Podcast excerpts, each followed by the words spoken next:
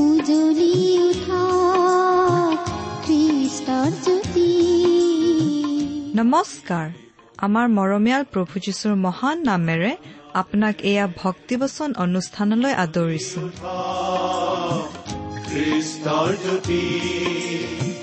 আকাশ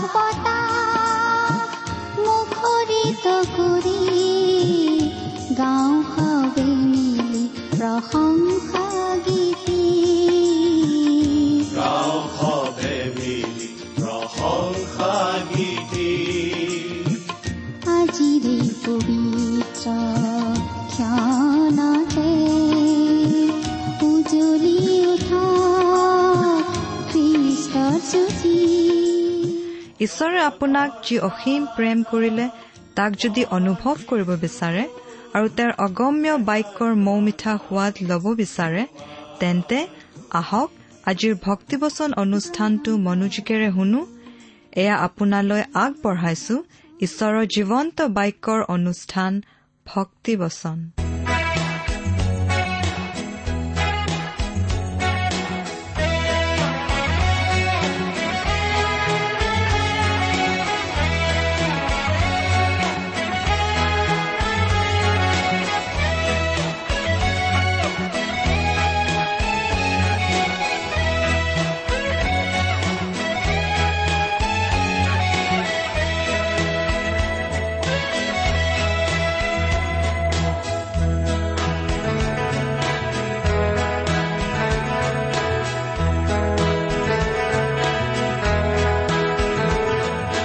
Jesus তোমাকে প্ৰাৰ্থিছো আজি কাতৰে মাতিছো আজি। আমি প্ৰভু যিছু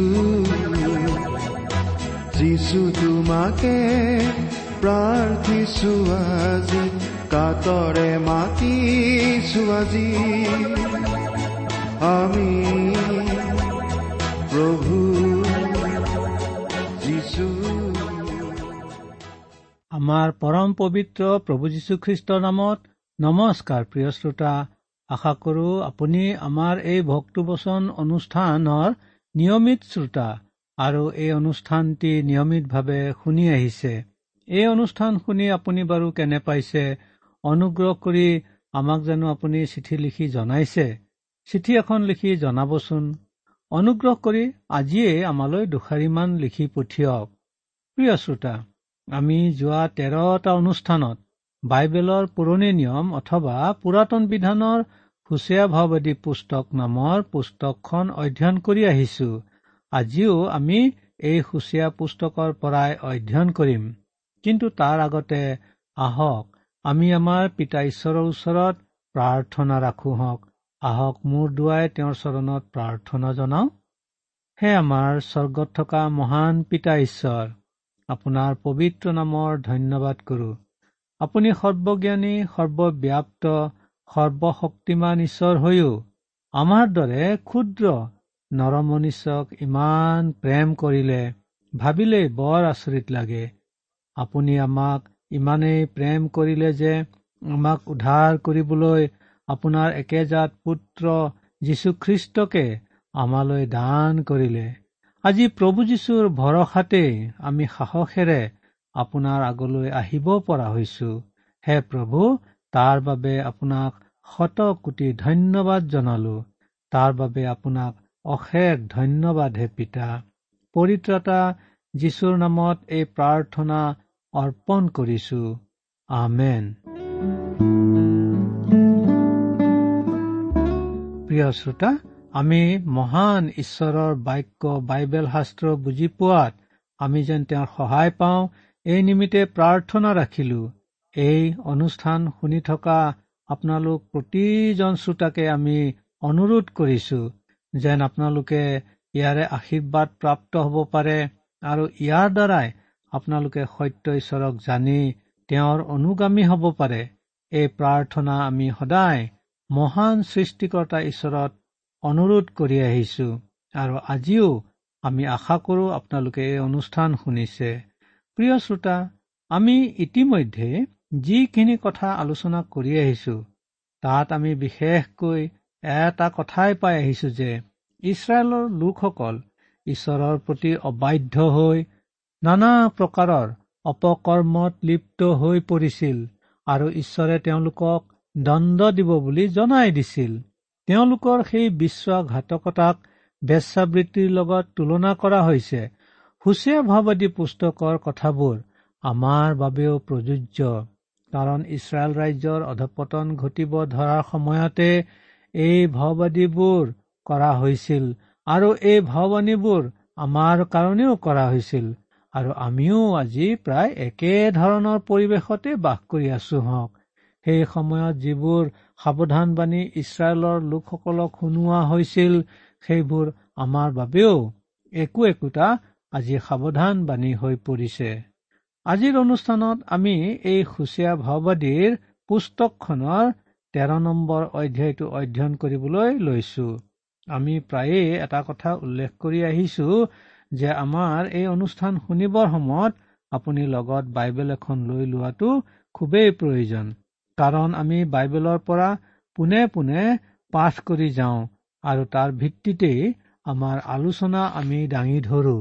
আগতেও আমি এই কথা আপোনালোকক অনুৰোধ কৰিছো। গতিকে অনুগ্ৰহ কৰি আপোনাৰ বাইবেলখন মেলি লৈ সুচীয়া ভাওবাদী পুস্তকৰ তেন নম্বৰ অধ্যায়টো উলিয়াই লওক। প্ৰিয় শ্ৰোতা আপোনাৰ লগত যদি বাইবেল নাই সোনকালে এখন যোগাৰ কৰি ল'বলৈ চেষ্টা কৰিবচোন। ওচৰে পাজৰে যদি ক'তো কিনিবলৈ পোৱা নাযায় তেনেহলে আমালৈও লিখিব পাৰে।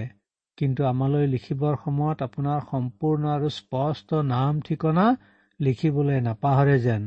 বাৰু সেইটো যি কি নহওক এতিয়া আমি বাইবেলৰ পৰা পাঠ কৰি দিব খুজিছো।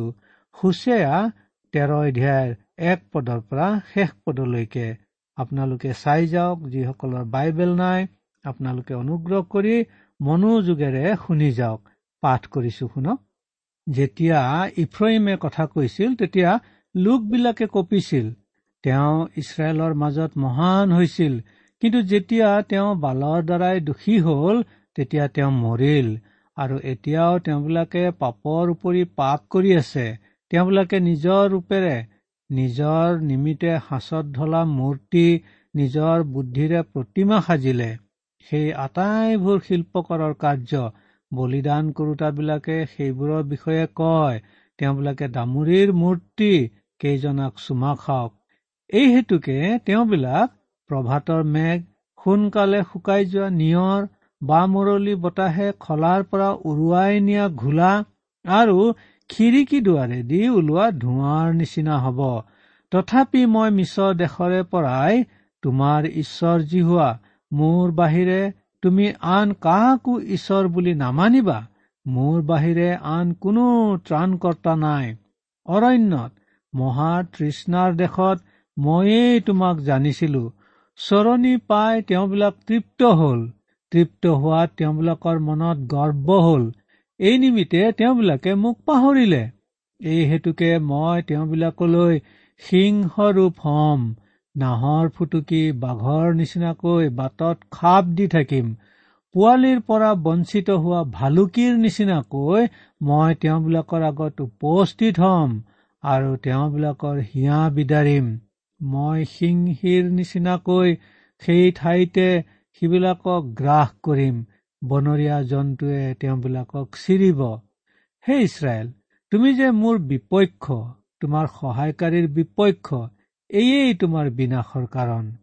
তোমাৰ আটাই নগৰত তোমাক ৰক্ষা কৰিবলৈ তোমাৰ ৰজা এতিয়া কত? মোক এজন ৰজা আৰু কেতবিলাক অধ্যক্ষ দিয়ক। এইবুলি তুমি যিবিলাকৰ বিষয়ে কৈছিলা তোমাৰ সেই বিচাৰপতিবিলাক কত? মই খং উঠি এজন ৰজা তোমাক দিলো আৰু খং উঠি তেওঁক গুচালো। ইফ্ৰহিমৰ অপৰাধ থৈলাত ভৰাই বন্ধ কৰা হল। তেওঁৰ পাপ সাঁচি থোৱা হল। প্ৰসৱকাৰিণীৰ যাতনাই তেওঁক ধৰিব। তেওঁ অজ্ঞান পুত্ৰ। নহলে তেওঁ প্ৰসৱ দুৱাৰত পলম নকৰিলেহেঁতেন। মই চিউলৰ হাতৰ পৰা তেওঁবিলাকক উদ্ধাৰ কৰিম। মৃত্যুৰ পৰা তেওঁবিলাকক মুক্ত কৰিম। হে মৃত্যু তোমাৰ মহামাৰী কত? হে চিউল তোমাৰ সংসাৰ কত? মন পালতন মোৰ চকুৰ পৰা গুপ্ত থাকিব। ইফ্ৰহিম তেওঁৰ ভাইবিলাকৰ মাজত ফলৱান হলেও পূবৰ বতাহত অৰণ্যৰ পৰা অহা জিহুৱাৰ প্ৰশ্বাসত তেওঁৰ ভুমুক শুকাব আৰু তেওঁৰ উশাহ শুকাই যাব। শত্ৰুৱে তেওঁৰ ভঁৰালৰ সকলো মনোহৰ বস্তু লোট কৰিব। চমৰীয়াই নিজৰ দুখৰ ভাৰ বব। কাৰণ তাই নিজ ঈশ্বৰৰ বিৰুদ্ধে বিদ্ৰোহ কৰিলে তেওঁবিলাক তৰোৱাল দ্বাৰাই পতিত হব তেওঁবিলাকৰ শিশুবিলাকক আচাৰি দুখৰ দুখৰ কৰা হব আৰু তেওঁবিলাকৰ গৰ্ভৱতী তিৰোতাবিলাকৰ উদৰ ফলা হব। আপোনালোকে অধ্যায়টো পাঠ কৰা শুনিলে। এতিয়া এক পদৰ পৰা চাই যাওঁ। এক পদত আচলতে ঈশ্বৰে ইফ্ৰহিমৰ দুখ অপৰাধৰ কথা কব ধৰিছে। যেতিয়ালৈকে ইফ্ৰহিমে জীৱন্ত ঈশ্বৰ জিহুৱাৰ আৰাধনা কৰি আছিল তেতিয়ালৈকে তেওঁৰ জীৱন আছিল। ঈশ্বৰে তেওঁক সন্মানিত কৰিছিল আৰু আদৰ কৰিছিল। কিন্তু যেতিয়া তেওঁ বাল দেৱতাৰ সেৱা পূজা কৰিবলৈ আৰম্ভ কৰিলে তেওঁৰ মৃত্যু হল। প্ৰিয় শ্ৰোতা আমি এটা কথা আগতেও উল্লেখ কৰি আহিছো যে ইফ্ৰহিম মানে আচলতে ইছৰাইল ৰাজ্যকে বুজোৱা হৈছে। ইছৰাইল জাতি মৰিল বুলি কোৱা হৈছে। প্ৰিয় শ্ৰোতা কেৱল যে ইছৰাইল জাতি মৰিল এনে নহয় ইছৰাইলক দেশৰ পৰা খেদি পঠিওৱা হল আৰু দেশখনো মৰি গল বুলি কব পাৰি। আজিও সেই দেশ মৰি থকা বুলিয়েই আমি কব লাগিব। ইছৰাইল ৰাজ্যৰ ৰাজধানী আছিল চমৰীয়া। সেই অঞ্চল আজিও অতি অৱহেলিত নিৰ্জন অৱস্থাত থকা অঞ্চল। বৰ্তমানৰ ইছৰাইল দেশখন আচলতে জিহুদা দেশহে উত্তৰৰ ৰাজ্যখনহে। ইছৰাইলৰ ৰাজ্য বোলা হৈছিল। ইছৰাইল জাতিৰ দহোটা ফদ্যৰ ৰাজ্য আছিল এই উত্তৰৰ ৰাজ্যখন অৰ্থাৎ ইছৰাইল ৰাজ্যখন আৰু তাৰ ৰাজধানী আছিল চমৰীয়া। এই অঞ্চল আচলতে এতিয়াও মৰি থকা বুলি কব পাৰি। চমৰীয়া অঞ্চলত থকা ভগ্নাৱশেষ দেখিলেই আমি এই কথা সহজে বুজি পাওঁ যে হুচেয়া ভাৱদীৰ যোগেদি ঈশ্বৰে যি ভৱিষ্যবাণী দিছিল বা সেই ভাৱবাণী প্ৰচাৰ কৰিছিল সেই ভৱিষ্যবাণী আখৰে আখৰে ফলিয়াইছিল। প্ৰিয় শ্ৰোতা এইখিনিতে আমি আন এটা কথা কব খুজিছো। কথাটো আমাৰ আত্মিক জীৱনৰ বাবে অতি গুৰুত্বপূৰ্ণ। বহুতো খ্ৰীষ্টীয় বিশ্বাসকাৰীৰ আত্মিক জীৱনৰ অৱস্থাও আজি সেই চমৰীয়াৰ নিচিনা একেবাৰে মৰি থকা অৱস্থা। আৰু তাৰ কাৰণ কি জানেনে প্ৰিয় শ্ৰোতা?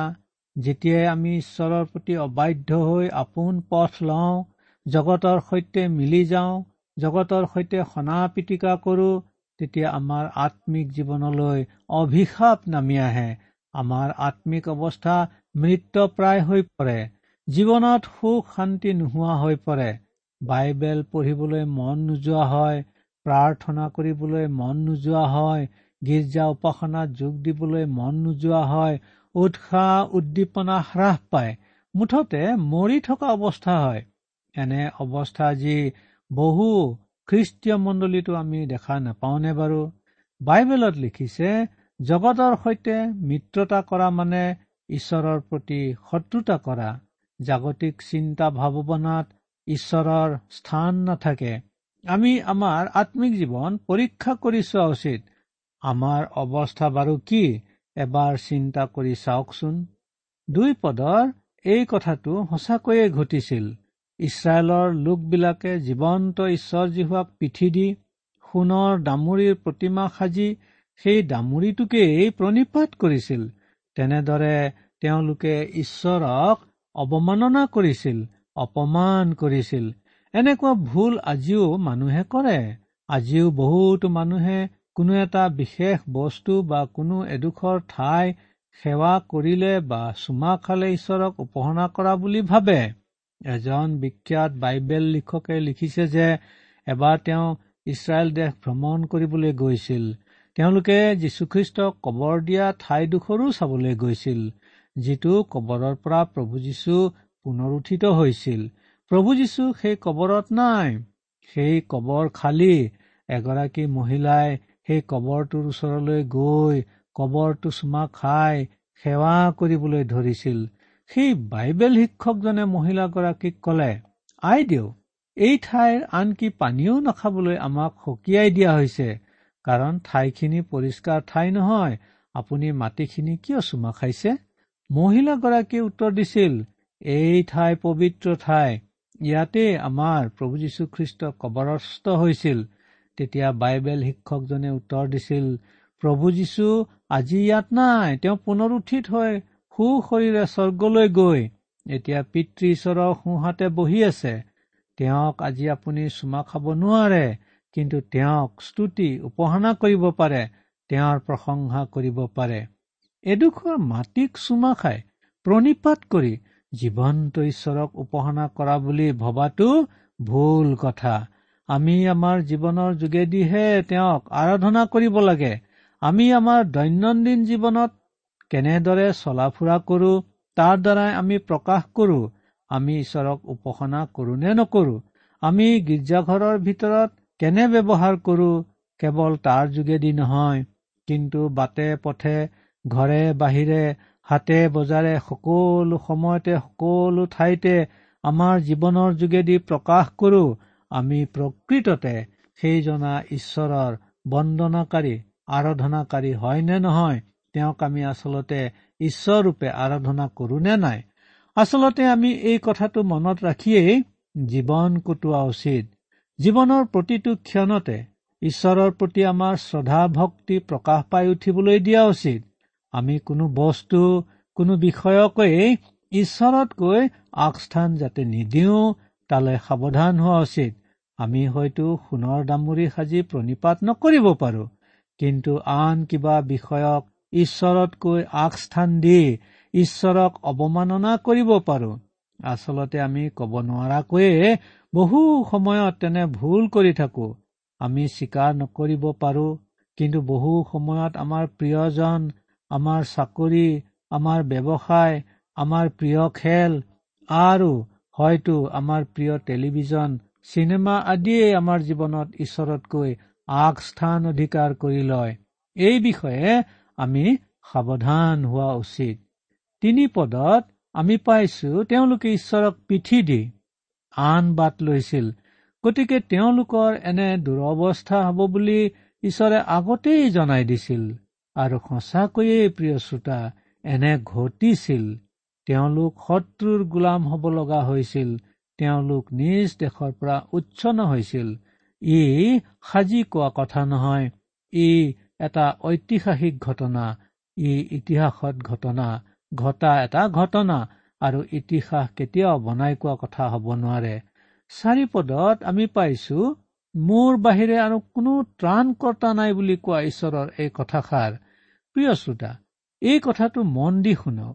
আপুনি হয়তো যুক্তি দি কব বা মুক্তি অৰ্জন কৰিবলৈ নানা প্ৰকাৰে চেষ্টা চলাই থাকিব পাৰে। কিন্তু ঈশ্বৰে কৈছে তেওঁৰ বাহিৰে আন কোনো ত্ৰাণকৰ্তা নাই। আমি নিজৰ চেষ্টাৰে পৰিত্ৰাণ লাভ কৰিব নোৱাৰো। ঈশ্বৰে আমাক উদ্ধাৰ কৰিব লাগিব। সেইবাবে আমি নিজৰ ওপৰত ভৰসা কৰিবলৈ এৰি মুক্তি লাভ কৰিবলৈ ঈশ্বৰৰ কাষলৈহে অহা উচিত। আৰু সেইটোকেহে ঈশ্বৰে আমাক উনুকিয়াই দিছে তেওঁৰ ভাওবাদী হুচেয়াৰ যোগেদি। প্ৰভু যীশুৱে কৈছিল ময়ে বাট সত্য আৰু জীৱন।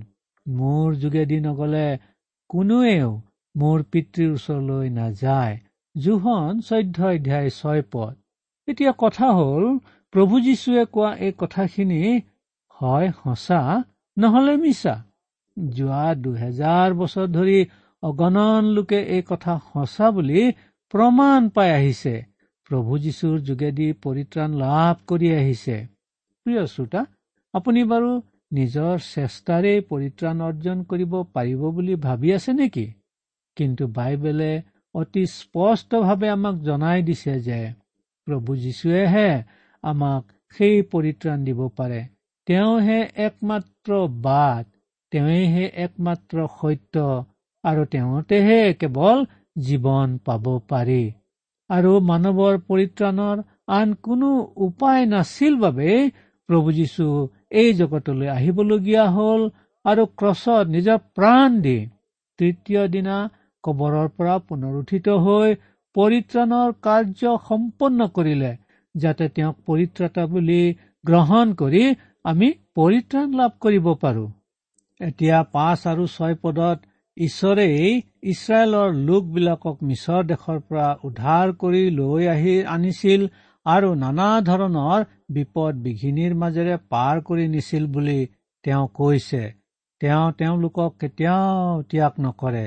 কিন্তু তেওঁলোকৰ অবাধ্যতাৰ শাস্তি হলে তেওঁলোকক দিবই আৰু তেওঁ সেইদৰে শাস্তি দিছিলেও। এই কথা আমিও মনত ৰখা উচিত। আমাক ঈশ্বৰে প্ৰেম কৰে। কিন্তু প্ৰয়োজনত আমাক শাস্তিও দিয়ে। অৱশ্যে আমি এই কথা মনত ৰখা উচিত যে প্ৰভু যীশুক গ্ৰহণ কৰি পৰিত্ৰাণ পোৱা কোনো লোককেই প্ৰভু যীশুৱে কেতিয়াও ত্যাগ নকৰে। আপোনাৰ সেই আচৰিত অভিজ্ঞতাটো আপোনাৰ জীৱনত হলনে? অৰ্থাৎ আপুনি প্ৰভু যীশু খ্ৰীষ্টক আপোনাৰ জীৱনৰ পৰিত্ৰতা আৰু প্ৰভুৰূপে গ্ৰহণ কৰিলেনে? আপুনি নিৰাপদ হৈছেনে প্ৰিয় শ্ৰোতা? কাৰণ বাইবেলে কৈছে যিমানে প্ৰভু যীশুখ্ৰীষ্টত আশ্ৰয় লৈছে তেওঁৰ পৰিত্ৰাণ গ্ৰহণ কৰিছে তেওঁলোক আত্মিকভাৱে এতিয়া সম্পূৰ্ণ নিৰাপদ হৈছে। তেওঁলোক আৰু নৰকলৈ যাব নালাগে। তেওঁলোক সৰগৰ অনন্ত জীৱনৰ অধিকাৰী হল। তেওঁলোকে অভিশাপৰ পৰা আশীৰ্বাদলৈ পাৰ হল আৰু মৃত্যুৰ পৰা জীৱনলৈ পাৰ হল। সাত আৰু আঠ পদত আমি পাওঁ আন এটা মন কৰিবলগীয়া কথা। দানিয়েলৰ ভাৱবাদীত অৰ্থাৎ তেওঁৰ যি দৰ্শনত বাবিলক সিংহৰ লগত তুলনা কৰা আমি পাই আহিছিলো আলেকজেণ্ডাৰৰ নেতৃত্বৰ গ্ৰীচ দেশক নাহৰ ফুটুকি বাঘ মাদিয়া পাৰ্চীসকলক ভালুকৰ লগত তুলনা কৰা হৈছে। এতিয়া ইয়াত এই কথা কোৱা হৈছে যে হুছেয়া ভাওবাদীৰ দিনত আন ঘটনাটো ভৱিষ্যতে ঘটিব বুলি হুছেয়াক জনোৱা হৈছে। কিন্তু খুব সোনকালেই তেওঁ ভালুকৰ নিচিনাকৈ আহিব বুলি ঈশ্বৰে জনাইছে আৰু সেইদৰেই ঘটিছিল। অচুৰীয়াবিলাকে আহি ভালুকৰ দৰে ইছৰাইলৰ ওপৰত আক্ৰমণ সানিছিল আৰু ইছৰাইলীয় লোকসকলক পৰাস্ত কৰি তেওঁলোকক দেশান্তৰিত কৰি স্বদেশলৈ লৈ গৈছিল। এতিয়া ন পদত পাওঁ এটা কথা যে বহু সময়ত আমি আমাৰ দুৰৱস্থাৰ কাৰণে ঈশ্বৰক দোষ দিওঁ। কিন্তু ইয়াত আমাক জনোৱা হৈছে আমিয়েই আচলতে আমাৰ দুৰৱস্থাৰ কাৰণে দায়ী। কিন্তু আমি ঈশ্বৰৰ পৰা সহায় বিচাৰিলে তেওঁ আমাক সহায় কৰিবলৈ সদায় সাজু থাকে।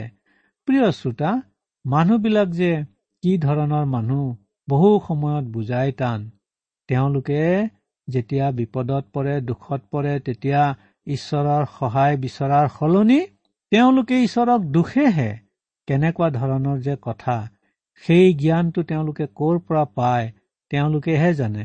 কিন্তু ঈশ্বৰে আমাক বাৰে বাৰে কৈছে দুখৰ সময়ত আমি তেওঁক দুখ ধৰাৰ সলনি আমি তেওঁৰ সহায় বিচাৰি নম্ৰভাৱে তেওঁৰ গুৰিত প্ৰাৰ্থনা কৰিব লাগে।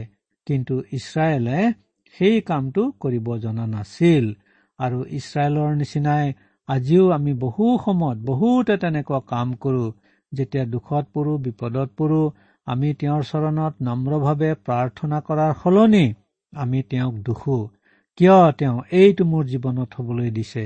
কিয় তেওঁ এনে কৰিব লাগে? ইত্যাদি ইত্যাদি। সেইটো যেন আমাৰ জীৱনত নঘটে। সেইকাৰণেই ঈশ্বৰে হুচিয়াৰ যোগেদি আমাকো সতৰ্কবাণী শুনাইছে। দহ আৰু এঘাৰ পদত তেওঁলোকে ঈশ্বৰক অৱহেলা কৰি নিজলৈ এজন ৰজা বিচাৰিছিল। ঈশ্বৰে তেওঁলোকক ৰজা দিছিলো কিন্তু সেই ৰজাবোৰৰ যোগেদি তেওঁলোকলৈ অভিশাপহে নামি আহিছিল কাৰণ কোনো এজন ৰজাইও তেওঁৰ প্ৰজাসকলক ঈশ্বৰৰ ওচৰলৈ পালতিবলৈ কোনো পৰামৰ্শ দিয়া নাছিল কোনো ব্যৱস্থা লোৱা নাছিল। এতিয়া ষোল্ল পদত আমি পাইছো ইছৰাইল ৰাইজৰ এই দুৰৱস্থা সঁচাকৈয়ে হৈছিল। শত্ৰুবোৰে আহি সেই ৰাজ্য সম্পূৰ্ণৰূপে ধ্বংস কৰিছিল আৰু ৰজাসমূহক বন্দী কৰি নিছিল। ঈশ্বৰৰ বাক্য কেতিয়াও বিফলে নাযায়। প্ৰিয় শ্ৰোতা প্ৰভু যীশুৰ যোগেদি ঈশ্বৰে মানৱ জাতিলৈ পৰিত্ৰাণৰ সুবিধা আগবঢ়াই আছে বিনামূল্যে। তেওঁত বিশ্বাস স্থাপন কৰা লোকসকলে পৰিত্ৰাণ লাভ কৰিবই বুলি আমাক জনাই দিছে বাইবেলৰ যোগেদি। এই বাক্য অথলে নাযায়। এই কথা জানি বুজি আমি বাৰু প্ৰভু যীশুতে আশ্ৰয় নলওঁ কিয়? আপুনি সেই কামটো কৰিবনে তাকেই কৰিবলৈ ঈশ্বৰে আপোনাক আশীৰ্বাদ কৰক। নমস্কাৰ।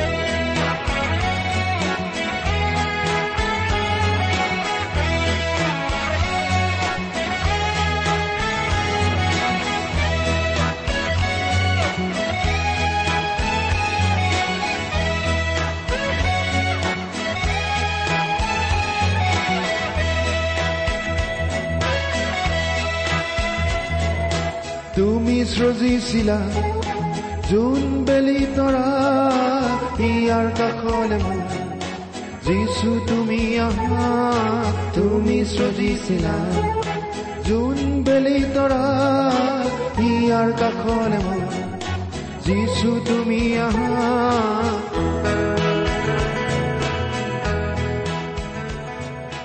ইমান পৰে আপুনি ভক্তিবচন অনুষ্ঠানটি শুনিলে। অনুষ্ঠানটি শুনি কেনে পালে? আমালৈ চিঠি লিখি জনাবচোন। অনুষ্ঠানত প্ৰচাৰ কৰা কোনো কথা বুজিব লগা থাকিলেও আমালৈ লিখক। আমাৰ ঠিকনা ভক্তিবচন টি ডাব্লিউ আৰ ইণ্ডিয়া ডাক পাকচ নম্বৰ সাত শূন্য গুৱাহাটী সাত আঠ এক শূন্য শূন্য এক। ঠিকনাটো আৰু এবাৰ কৈছো ভক্তিবচন টি ডাব্লিউ আৰ ইণ্ডিয়া ডাক পাকচ নম্বৰ সাত শূন্য গুৱাহাটী সাত আঠ এক শূন্য শূন্য এক। আপুনি ইমেইল যোগেৰেও আমাৰ সৈতে যোগাযোগ কৰিব পাৰে। আমাৰ ইমেইল আইডিটো হৈছে Assamese T TV at radio' eight eight two dot com. আইডিটো আকৌ এবাৰ কৈছো। Assamese T TV at radio' eight eight two dot com. আপুনি টেলিফোনৰ মাধ্যমেৰেও আমাক যোগাযোগ কৰিব পাৰে। আমাৰ টেলিফোন নম্বৰটো হৈছে শূন্য তিনি ছয় এক দুই ছয় শূন্য চাৰি ছয় সাত এক। ফোন নম্বৰটো আকৌ এবাৰ কৈছো zero' three six one two six zero' four six seven one. আজিৰ অনুষ্ঠানটি ইমানতে সামৰিছো। ঈশ্বৰৰ শান্তি আৰু অনুগ্ৰহ আপোনাৰ লগত থাকক। ধন্যবাদ।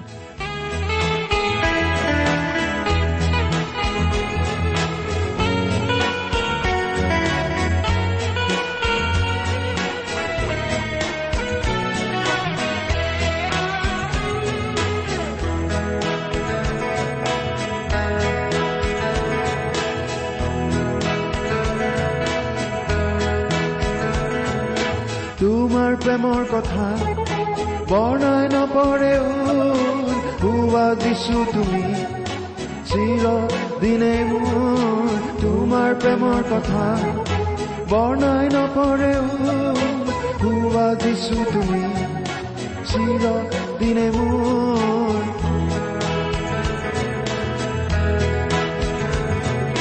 যিছু তোমাকে প্ৰাৰ্থিছো আজি। কাতৰে মাতিছো আজি আমি প্ৰভু যিছু যিছু তোমাকে প্ৰাৰ্থিছো আজি। কাতৰে মাতিছো আজি আমি প্ৰভু যিছু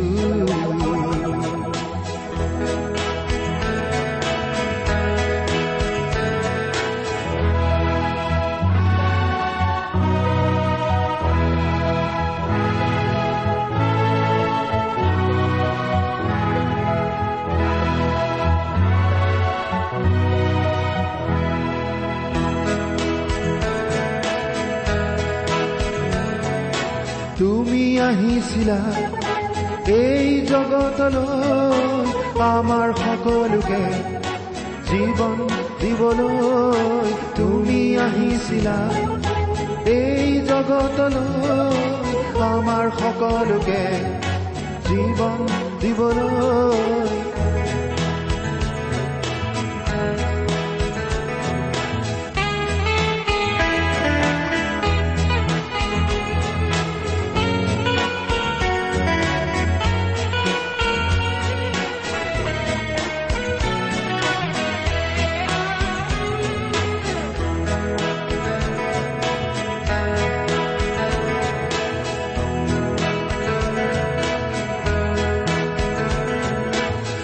তোমাৰ প্ৰেমৰ কথা।